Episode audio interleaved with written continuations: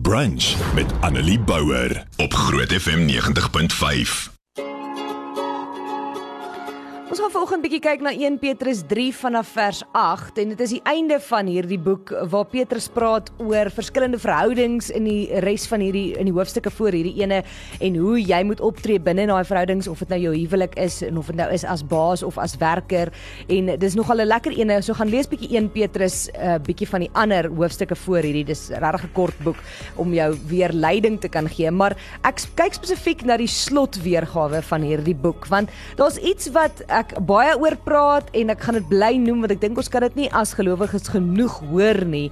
En dit is hoe ons as gelowiges ons geloof uitleef sodat ander mense dit kan sien. En doen ons dit op die regte manier? Doen ons dit met liefde en doen ons dit met medelee en eengesindheid en goedhartigheid en nederigheid? En ek dink nie ons kry dit altyd reg nie. Ek is definitief een van die mense wat skuldig daarin is. Veral as ons begin stry met mense. Veral as iemand anders se stand standpunt of dit nou by geloof of enigiets anders kom, anders is as joune.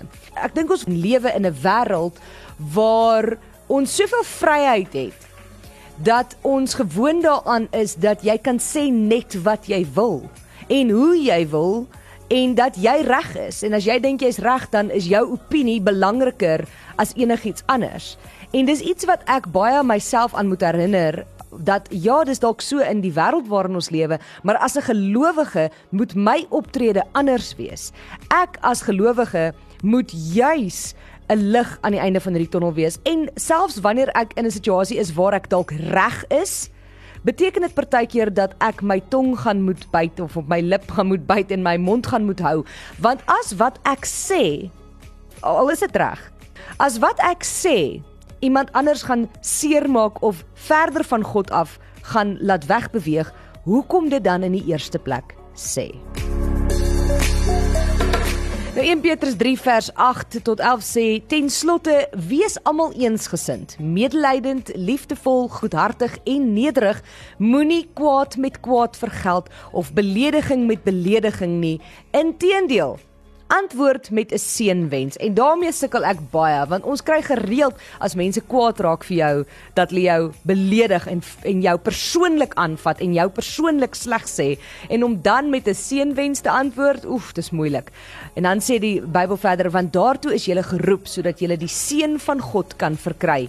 Daar staan geskrywe As iemand die lewe liefhet en 'n lang lewe begeer om die goeie te geniet, moet hy sy tong weerhou van kwaad praat en sy lippe van leuns. Bly weg van die kwaad af, doen wat goed is, soek vrede en jaag dit na. Soek vrede en jaag dit na. Wow, dis moeilik. Nou 1 Petrus 3 vers 8 tot 12 gee eintlik vir ons 'n lekker 9 punt plan of 'n profiel vir wat 'n Christelike lewe is. Wat 'n Christelike volwassenheid is. En as ons sê ons groei in geloof, is dit om volwasse te word in ons geloof. Nou die eerste ene gaan oor eenheid, 'n eenheid van doel. Nou eenheid beteken nie eenvormigheid nie. Dit beteken samewerking ten midde van verskille.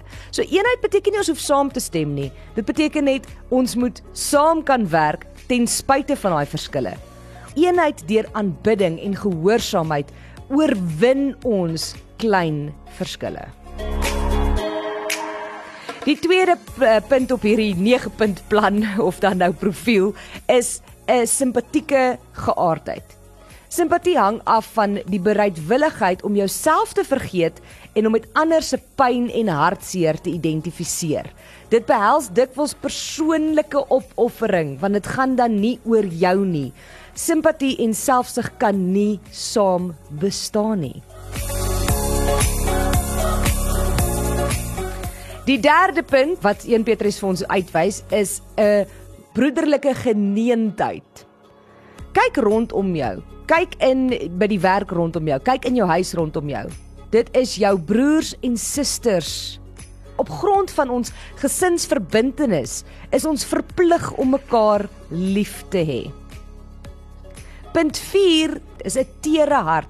Jesus het deurgaans teerheid getoon. Hy was ontroer deur mense se probleme, deur hulle sukkel, deur hulle swaar kry en het medelee gehad. Punt 5 is 'n nederige gees. Bybelse nederigheid is nie valse beskeidenheid nie, maar 'n diep afhanklikheid van God. Dit manifesteer in 'n begeerte om God te dien en om mense te dien eerder as om gedien te word. En dit is 'n weiering om persoonlike regte te eis. Iets wat in vandag se samelewing aanvaarbaar is, is om op jou regte te staan. En ek sê nie jy hoef nie, ek sê nie jy moenie, maar nederigheid beteken dat jy eerder gaan dien as om gedien te word. En dat jy nie jou eie persoonlike regte gaan opeis ten koste van iemand anders nie. Daar's so 3 punte nog. Dit gaan oor 'n vergewensgesindheid, 'n hart wat vergewe. Jesus roep ons op om verder te gaan as die blote weiering om vergelding te neem. Ja, jy moenie kwaad met kwaad vergeld nie en ja, jy moenie belediging met belediging um teruggee nie. Maar dit gaan verder as dit.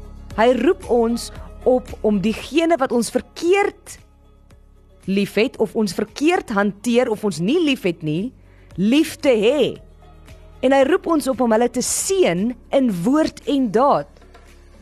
As jy antwoord eerder met 'n seën as 'n belediging, is dit 'n duidelike teken dat jy in Christelike volwassenheid groei. En dan die laaste paar, die uh, nommer 7 gaan is is vers 10 van 1 Petrus 3 wat sê 'n beheerste tong. Oeg, ek sukkel met hierdie ene. Nommer 8 is 'n lewe van in Engels sê dit so mooi purity. Dit gaan oor sodra ons die leiersels van ons tong ingespan het, solank jy jouself kan beheer, moet ons onsself tot 'n lewe van morele reinheid aanspoor. Ons is God se beelddraers. Ons moet ons woorde en ons optrede gebruik om sy genade en liefde te weerspieël. Ons moet wegdraai van die kwaad en ons moet goed doen.